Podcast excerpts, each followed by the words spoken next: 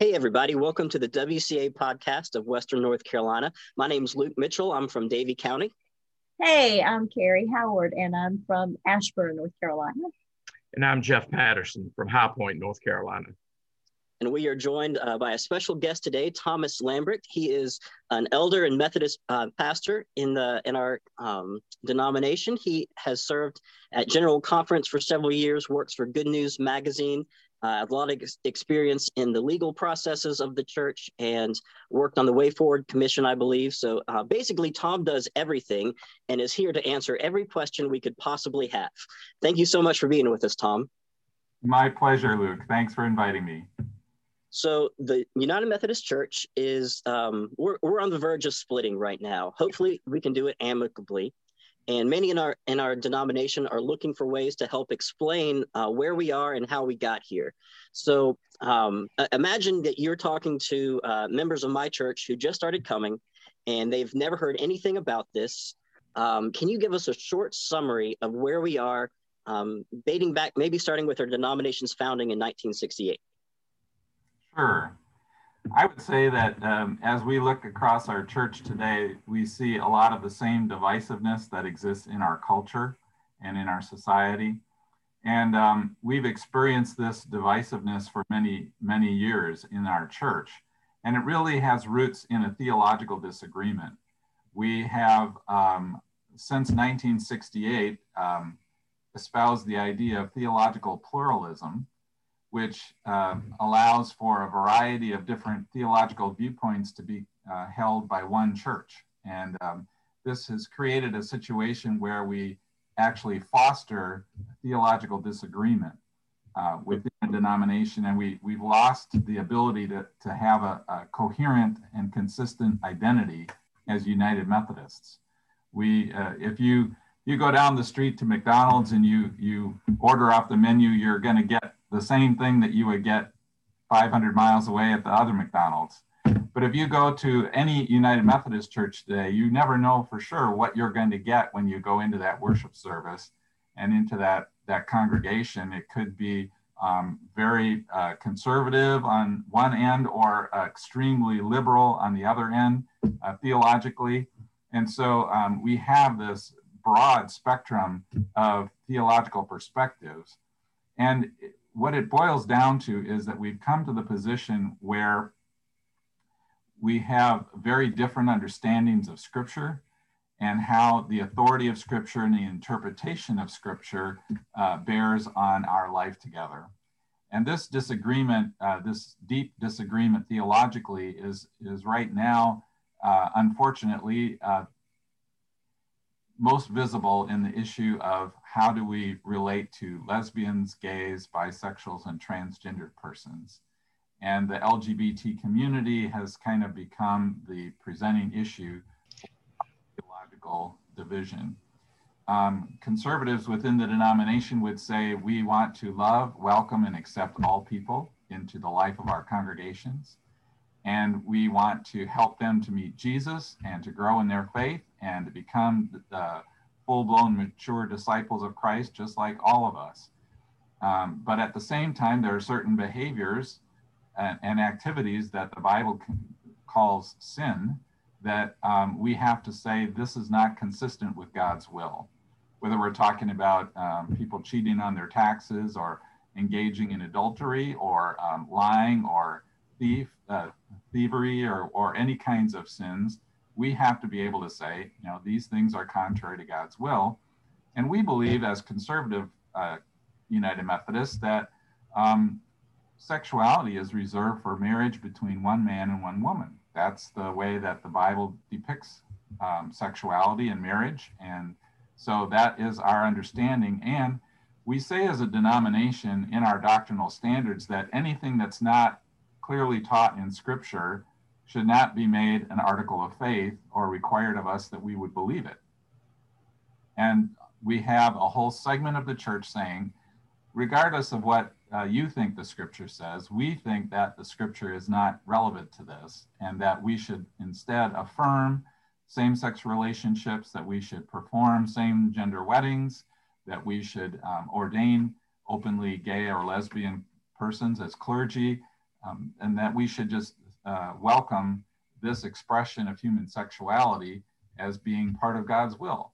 And so the question is is it God's will or not? And how do we uh, navigate the situation where we've got some who say emphatically, no, it's not God's will, and others who say emphatically, yes, it is God's will, and you're discriminating against people. So um, this this um, question has really risen to the fore over the last um, 10, 15 years. It's become the, the salient question in our denomination. And it has developed to the point where even General Conference, the, the group that makes the decisions for our denomination, has said consistently since 1972 that uh, we love and welcome all people to be part of our church, but at the same time, the practice of homosexuality is contrary to God's will. And that, that position has been reaffirmed every four years since 1972. Now we have bishops, clergy, and annual conferences saying we don't care what the General Conference said. We want to affirm same sex relationships, and we're going to do so. And so we've got not only different opinions and beliefs in the church, but now we have different practices in the church and those practices are contradictory to each other. And we are at a situation where the church is basically um, coming apart at the seams because of that difference of practice. Wow. Thank you, Tom. You, you hit right on the theological pluralism, and we have seen this just uh, begin to erode our, our core fundamental beliefs uh, and, and, our doctrines. Um, and you've already touched on this, but I want to ask two questions right here. How did this theological pluralism become so woven into our fabric? How did these de- disagreements, our theological disagreements, become so pervasive? And then, how would you advise us or give us some words of wisdom on how we can talk to our institutionalist brothers and sisters who just don't want to see us separate. Well, I would say that um, that the way that pluralism got into the denomination was through the work of Albert Outler, who um, in the 50s and 60s really emphasized that we as Wesleyans believe in four aspects of our theological um, understanding, not only scripture, but we incorporate tradition, reason, and experience in how we understand scripture. Now, for us as, as evangelicals and conservatives, traditionalists, we believe that scripture is primary and that, yes, tradition plays a role in how we understand scripture. We look at 2,000 years of church teaching, and that bears on how do we understand what the scriptures say. We also look at the experience that we have with Christ and how that impacts our understanding of Scripture. And we try to make it reasonable, uh, consistent, logical, our understanding of Scripture. But when all is said and done, what the Scripture teaches is what we need to go with. And so um, that, that has been our perspective. But the, the perspective of, of others is that the, the quadrilateral, as we call it, has become an equilateral and that all of the sources of theology have equal weight. So you can derive theology from scripture, you can de- derive theology from tradition, you can derive your theology from personal experience, just from thinking through issues, you can derive your theology. And they all are in relatively equal. And I think, you know, today, uh, not everybody would say this uh, who is a centrist or a progressive, but but as you see how they interpret scripture, it becomes very evident when an interpretation of scripture doesn't work for them, it's because their own personal experience doesn't line up with how the interpretation of scripture has been, or because it doesn't make sense to them, or perhaps some new scientific evidence has been brought to bear on the situation. And, and because of that, then they just throw out the, the traditional understanding of Scripture. Now, I have no objection to the fact that we need to ask questions of the Bible and bring uh, the latest understandings of science and, and all kinds of uh, um, sociology and, and so forth to bear on our understanding of Scripture. But we also have to come back and say, look, what is the clear teaching of Scripture on this? Where there's not a clear teaching, there's room for disagreement. But where there's a clear teaching, then we have to follow Scripture. So I, I think that's that's what it boils down to. And and I know that there are many people who um, are sad to see the institution of United Methodism um, brought to the point of separation. This is not something that, that anyone really desires, but it, we are at a situation where um, we are unable to live together with each other. Anybody who's ever been to General Conference knows the, the depth of um, disagreement that, that is visible through uh, protests and demonstrations and all kinds of, of acts of uh, disobedience. And, and, that kind of disobedience is happening, you know, in our annual conferences across the United States in an ongoing way. So where we don't have an agreement of how we're going to function as a church and where the very processes of our church that are designed to lead us to um, a common way forward are disregarded, we have no choice but to acknowledge the reality that we're already living in separate realities. And it'd be better to not continue fighting each other. Fighting each other doesn't accomplish anything. Nobody's going to change their opinion. Um, we're going to continue wrestling with this issue.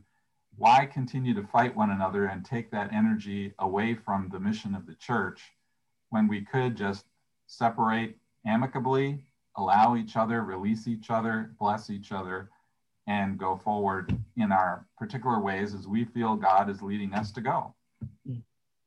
Great information, Tom. Thank you. Thank you for that. Uh, as a local church pastor, um, one of my greatest frustration around the topic of pluralism is this. I'd love to hear you address it. Um, I have people in my church, my congregation is fairly large. I have people in my church who um, they just think certain personalities goes with conservative and certain personalities goes with liberal. They we confuse people because we are a Christ-centered historic church, but we I don't think we're highly judgmental. We're not, you know, we're not uh, highly contentious. But people sometimes they they want to paint us, or those of us on that traditional side of the church, they want to paint us uh, because we we have issues with pluralism. They want to paint us as sort of closed-minded, uh, obscurantists who just are not nice people. And a lot of the people in the churches, I think, there's times I think they believe the uh, the core thing that Christ died for us to be was just be nice people.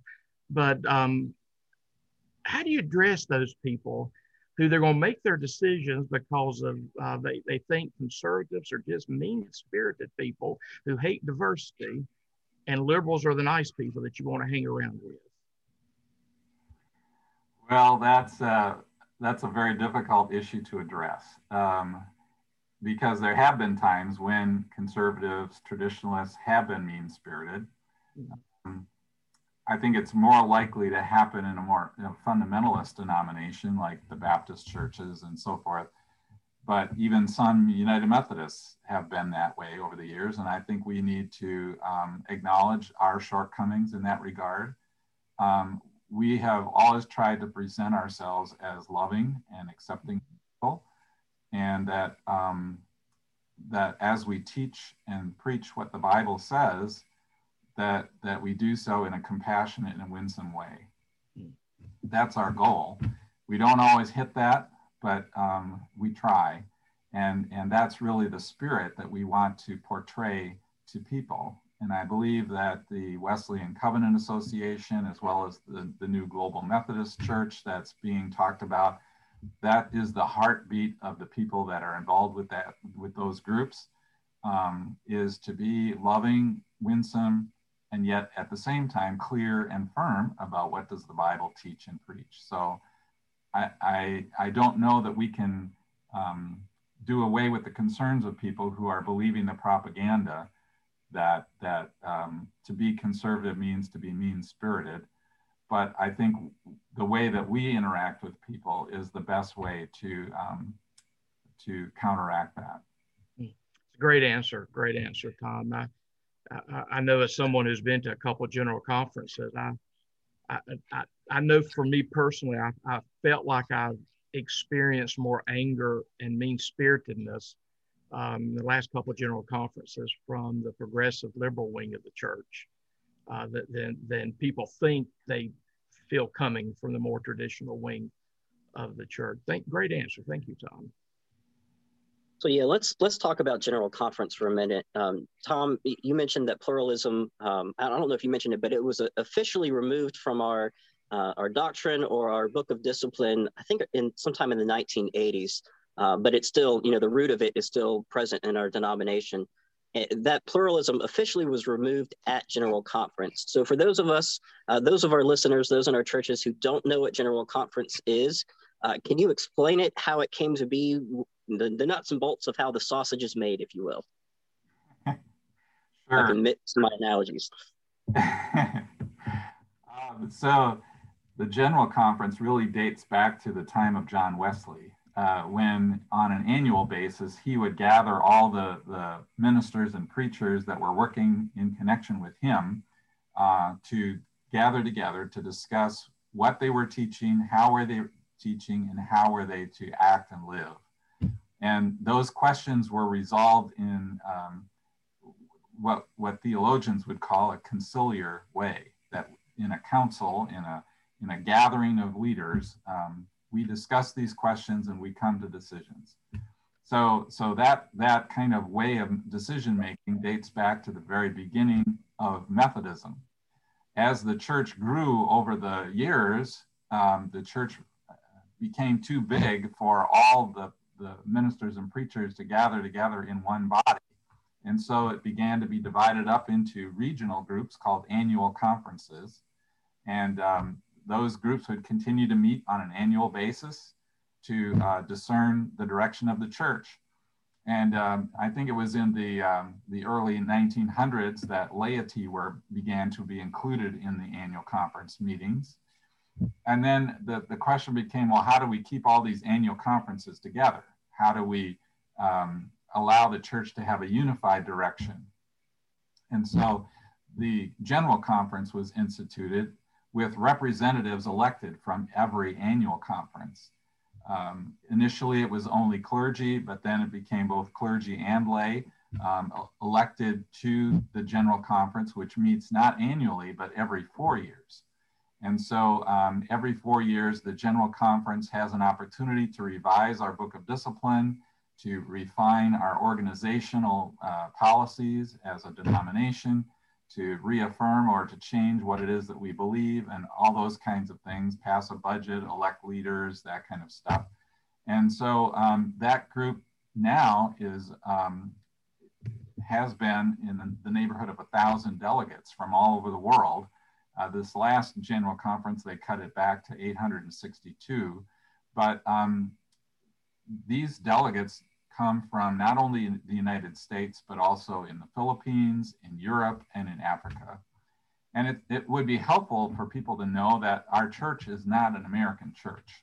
And this is what distinguishes us from other mainline Protestant denominations. I mean, if you're ELCA Lutheran or uh, Episcopal Church or Presbyterian Church USA, you are a United, uh, United States um, organization only.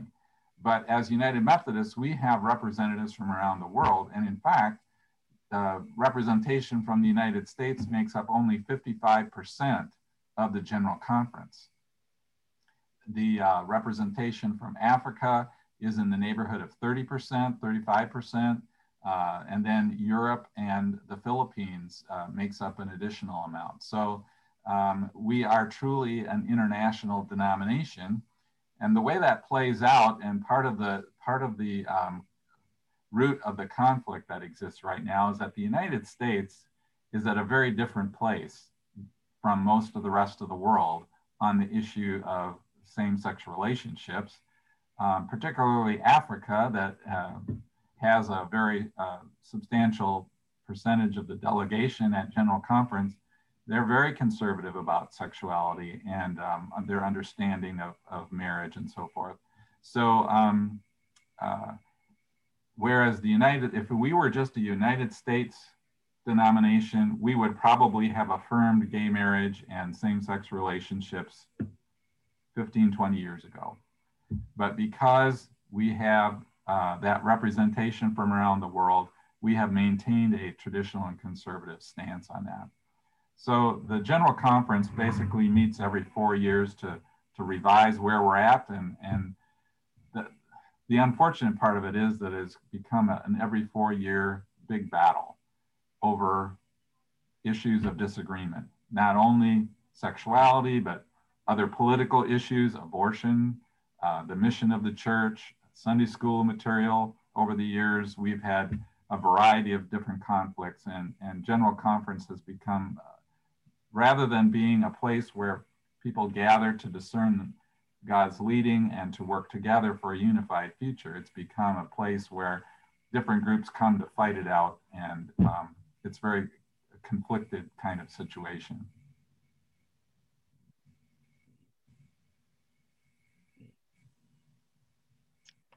Great answer. Great answer. Wish it weren't that way. Yeah, it's um, mm, I, I yeah, I wish it wasn't that way too. But those of us who have spent some time at General Conference, um, we, we, we, we know how the, the anger is present. We know how the tension is present. Uh, I don't even think it can be picked up uh, across live stream like it's picked up when you're when you're in when you're in the room. Um, how do you think that the issue around same-sex um, unions and gay ordination, uh, how, how, generally speaking, how do you think you've seen that change? You've been going to general conference now since the 90s, correct?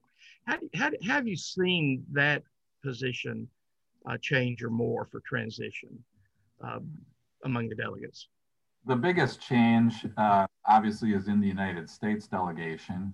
Um, and, and what I've seen is that in the first 20 or 30 years, um, uh, or even 40 years of my ministry and work at, at General Conference, the, the, those who would be called centrists or institutionalists sided with the conservatives on this issue.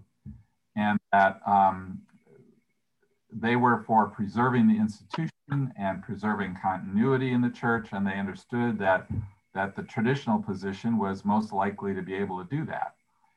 So um, for many years, uh, the the votes on sexuality were not close.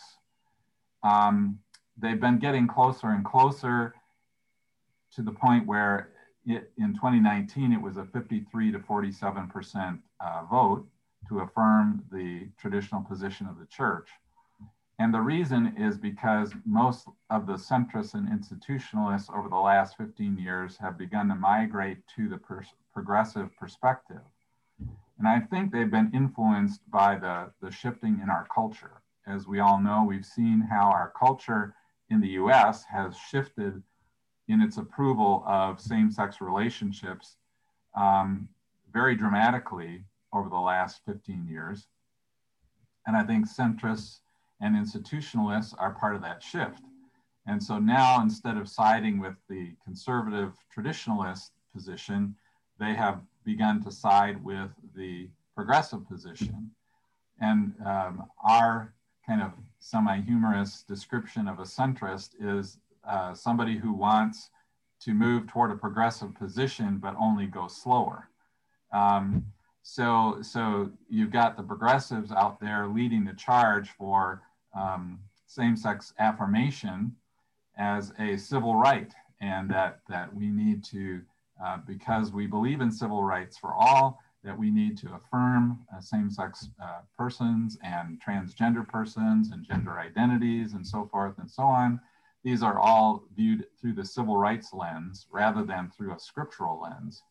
And so um, the uh, centrists and institutionalists have begun to say, well, in the United States, that's the position of our culture. And if we want to be a viable church, we need to get in step with what the culture is saying. And that has caused them to move their position to side with the progressives and, and brought us to the point where we're very close in our votes. But as I said before, if we were just voting as the United States, the position would be overwhelmingly in favor of uh, the progressive position. So that's how things have shifted over the years. And I think it's uh, brought us to the point, as I said before, because there is this uh, much more overwhelming sense in the United States that we need to affirm same-sex relationships as a civil rights issue, um, the progressives and even many institutionalists and centrists become much more open to uh, defying what the, the, Book of Discipline says, uh, being willing to act contrary to what our church rules state.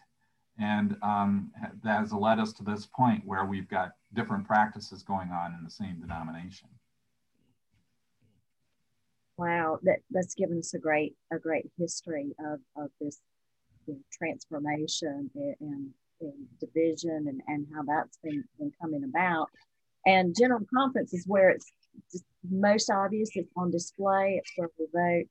And um, you know, I just want to throw this in there. Uh, I was um, able to witness the 2004 General Conference. I was not a delegate, my son was. And the connectionalism is so beautiful and on display. And yet that was the year that the chalice was was broken. And but to think that now a general conference has progressively become more difficult, especially in uh, the the life for the traditionalists who who are at represented at general conference. So, so Jeff, I'm we're, we're directing this question toward you. Um, you know, tell us what what your experience was like uh, in the two conferences, general conferences you you represented our conference at. It you know what what happened at the end of the 16 conference and the 19 conference. Well, let me say something generally about what I participated or watched at General Conference. Then I'll talk about the specific ending of the 2019. Uh, I think in the last couple General Conference specifically, but even before that, you know, I've been feeling this growing pressure to not just welcome people like like Tom talked about. We welcome all to our church. We, I felt this growing pressure to not just welcome people into our fellowship, but but to affirm all their behavior. Uh, it's like I've watched um, such a rise in the theology of creation that nobody wants to deal with the theology of, of redemption, uh, theology of transformation, and um, we're at a place where um, there's a large number among us that if if you're not willing to affirm their chosen behaviors, you're you're you're you're you're not loving them. You're not you're not accepting them as a human being, and that has taken us, I believe, to an untenable spot. Uh, we in the Christian movement, we've always held together that we can affirm human beings, but not affirm all of our behavior. I, I tell people I don't affirm a lot of me on most days. So, but I feel a pressure. Um, it's been mounting, and, and it is a cultural thing, like Tom said. It's been mounting in this culture that we just have to affirm everybody, not just who they are, but their behavior. And they can't, they can't, they can't separate that. Our culture's had a harder time separating that. So it, it's made for increasingly contentious uh, general conferences, just like we see the divide in, in our culture. And again, it just the the I, I think also uh, as the part of the church that wanted to change our traditional stand on human sexuality uh, began to realize more and more that they were not going to be able to legislate their their will into reality.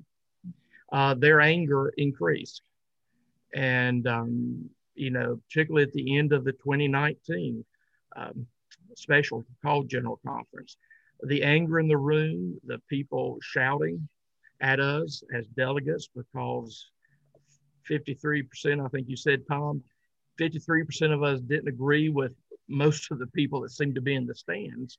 Uh, it it, it um, was a very anger filled, uh, non Christian uh, atmosphere. Uh, I remember leaving uh, the stadium there in St. Louis, filled with so much pain. But at the same time, uh, I, I, think that this is part of the process. I think this is part of what God is is helping us to see. You know, it became clear to me in those last two general conferences that we cannot put together a good marriage. So what we have to go for now is a good divorce, and uh, we can't we can't stay where we're where we're at.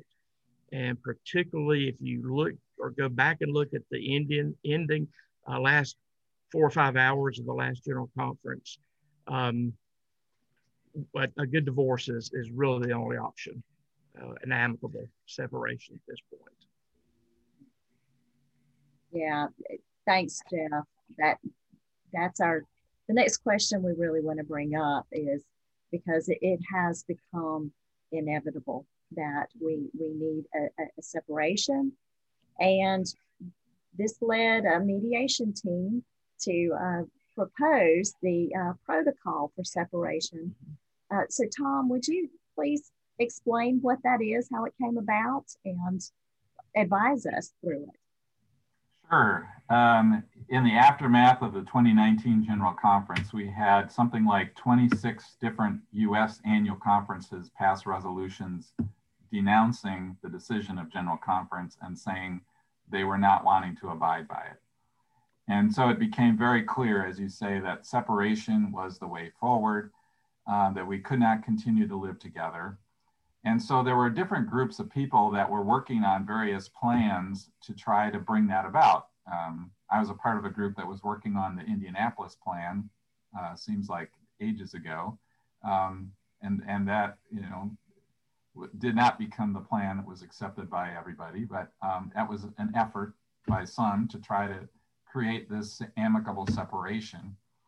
And, um, but Bishop Yambasu in Sierra Leone um, saw the same thing and, and he wanted to try and get together groups from across the theological spectrum to see if there was a way that we could work out that we could go forward in a positive way. So in the summer of 2019, uh, leaders from both evangelical as well as centrist and progressive groups gathered um, in Chicago for a meeting with him and with some other bishops to talk about uh, how to go forward. And they decided to try to work out a uh, plan of separation. Um, and so they, they uh, kind of formed a smaller mediation group out of that larger group of leaders, and that group met uh, periodically from uh, August up until uh, the end of or the middle of December um, in 2019 to come up with um, a way for us to amicably separate, and they called it the Protocol of Grace and Reconciliation through Separation. And um, this was the first um, plan that had backing from leaders from all the various uh, different caucus groups within our denomination. For those who aren't aware, we have uh, various groups on the traditional side, Good News, Confessing Movement, uh, UM Action, um, that advocated for a more traditional perspective. We've got groups in the middle, uh, centrist position, UMC Next, and uh, Uniting Methodists. We've got groups on the progressive end, uh, Reconciling Ministries Network, and others. So, so these various groups are uh, lobby groups that work at General Conference to work with the delegates to try to uh, advocate their position. And the protocol is the first time we had actual leaders from all these groups who are willing to say, yes, we agree to this particular process. But not only that, we also had bishops who were part of the process. Um, there was representation from, from Europe, from Africa, and from the Philippines mainly through um, bishops from each area. And, um, and, and that uh, lent a certain legitimacy to this process because if the bishops aren't behind it or, or at least willing to allow it to go forward, then you're really uh, in an uphill battle. So the fact that not only did the various caucus groups support it, but also these leading bishops did as well, um, was very significant. And um, it was unveiled the beginning of January uh, 2020. and, and the protocol uh, created a pathway for the denomination to, um, to separate with, um, without any kind of lawsuits. I mean, one of the, the motivations behind it was looking at the Episcopal Church and how they spent some $45 million of church money in court uh, fighting over local church properties and, and annual conference properties. And so we didn't want that. Um, and so the protocol gives us a way to go forward without any court involvement, without any kind of uh, animosity for one another. And, um, and the protocol looked ready to go, and I think it still is ready to go, ready to be passed. I think it's um, got the support of a majority of the delegates. With that being said, um, the, the, the protocol looked like it was going to pass. It does have great support. Uh, of course, COVID happened. Um, General Conference has now been delayed uh, yet again. Um, there's some talk about getting it on the agenda of the May 8th special call General Conference that the bishops are going to call to take care of what I guess some deem essential church business. Um, let's say it passes. And I, I, think they're strong, and I think I'm hearing you say this too, Tom. I think there's strong, strong indications it will pass. Um, a lot of the people listening to us will want to know what does this mean for their local church. That's usually the question that comes to me after they see an article in the paper. What does this mean for our local church? So let's just assume it passes as is the protocol what would it mean for the local church? Well, it would put uh, local churches in the position of meet, needing to decide um, are you um, wanting to be part of a denomination that, that zeroes in on a uh, biblical understanding of the Christian faith, that hold people accountable for uh, doctrinal beliefs, and that um, emphasizes um, evangelism, missions, and ministry across the globe? um, which would be what we now know as the Global Methodist Church, a new traditionalist denomination? Or do you want to remain part of the United Methodist Church that is going to liberalize its uh, stance on same sex relationships and sexuality, probably in general, and um, be much more accepting of various viewpoints and theologies and, and try to um, even perhaps regionalize the church government so that how the church operates in America is different from how it operates in Africa or Europe or other places. Um, kind of a more of a big tent Methodism. Which which kind of approach uh, does your congregation favor? And so um, the way that this mechanically works out is that annual conferences can make a decision to either remain within the United Methodist Church going forward or to separate and, and align with the new Global Methodist Church um, by a vote of 57% of the annual conference membership. Um, if the annual conference decides one way and your local church wants to do it go a different direction, your local church can decide through a vote of the church conference uh, to align itself differently. So let's say Western North Carolina decides we're going to stay within the United Methodist Church. Um, if your local congregation wants to align with the Global Methodist Church, uh, the more traditional denomination, you would then go through a process that would involve a vote at church conference and your, um, to, to get down really into the weeds, the church council would have to decide, do you want this vote to be a majority vote or a two thirds vote in order to make a decision? Uh, some people would say, well, it's important to keep our church together as much as possible, so let's make it a two thirds vote. Other people would say, no, it's better to, to make a clear cut decision, so let's make it a majority vote. But um, the church council would decide which way it's going to be. And then at the church conference, you would take a vote of the members that are present, and that would be the decision of the congregation. Importantly, if the annual conference leaves the United Methodist Church to join the Global Methodist Church, all of it, all of the congregations in that annual conference would go with it, unless they decide differently to, to remain in the United Methodist Church. And all annual conference property and assets and everything would also go with it. if your local church decided to align with the Global Methodist Church and you were leaving United Methodism, you would be able to keep your building and property and assets as well. So, um, and, and importantly, there are no payments involved. The local church would not have to pay the denomination in order to get out. Um, that the current way of getting out of the denomination requires a very heavy, heavy financial payment that makes it impractical for most churches to pursue. So under the protocol, uh, there's no payment for that local congregation to make. They just have to make the decision of which way they are they want to be aligned. Let me let me offer a follow up question too to that, Tom, because I know what I've been telling people.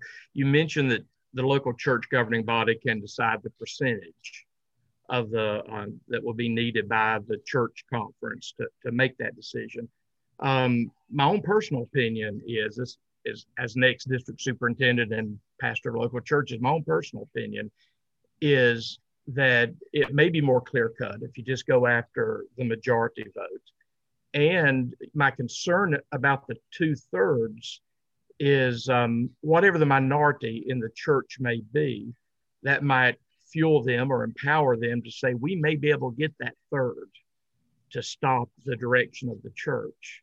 So I guess uh, I've been telling people that uh, I tend to favor the majority, or I think it's 57% vote, because uh, I think we pastors are going to have to, our church is going to have to decide that.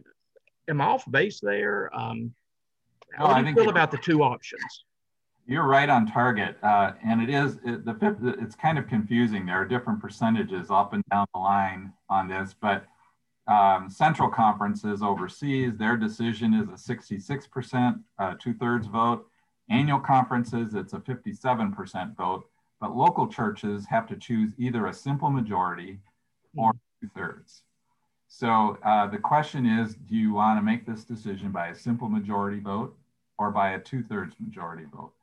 And, and the concern is um, if you make a decision by a simple majority vote, then you've got a minority of the congregation who disagrees. And what are they going to do? Are they going to stay with the local church or are they going to feel they need to go elsewhere?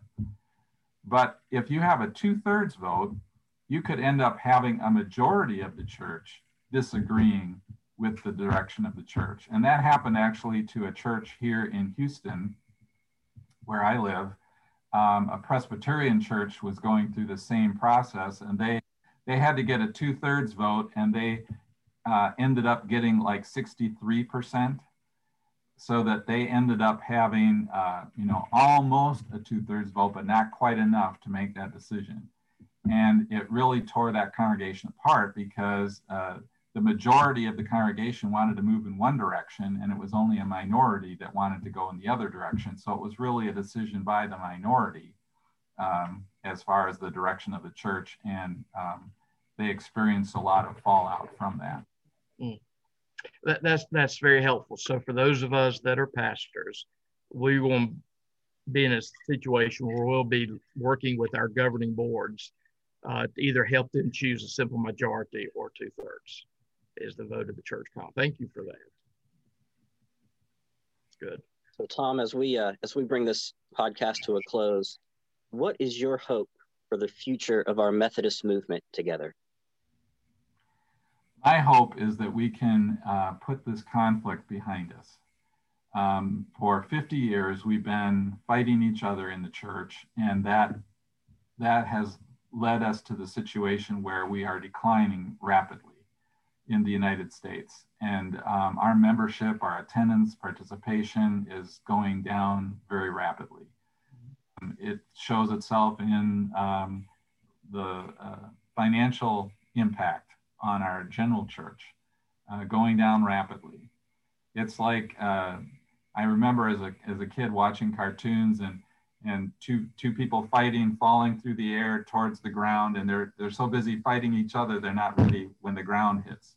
So I mean, that's kind of what we're doing. We're we're distracting ourselves from the real mission and ministry of our church by by the virtue of the fighting. And so we need to, to have a way forward to end this fighting, through separation to allow people to identify where they want to be and what kind of ministry they, they see the church uh, offering and that we can proceed in those directions full heartedly and um, with all of our enthusiasm and energy in those new directions.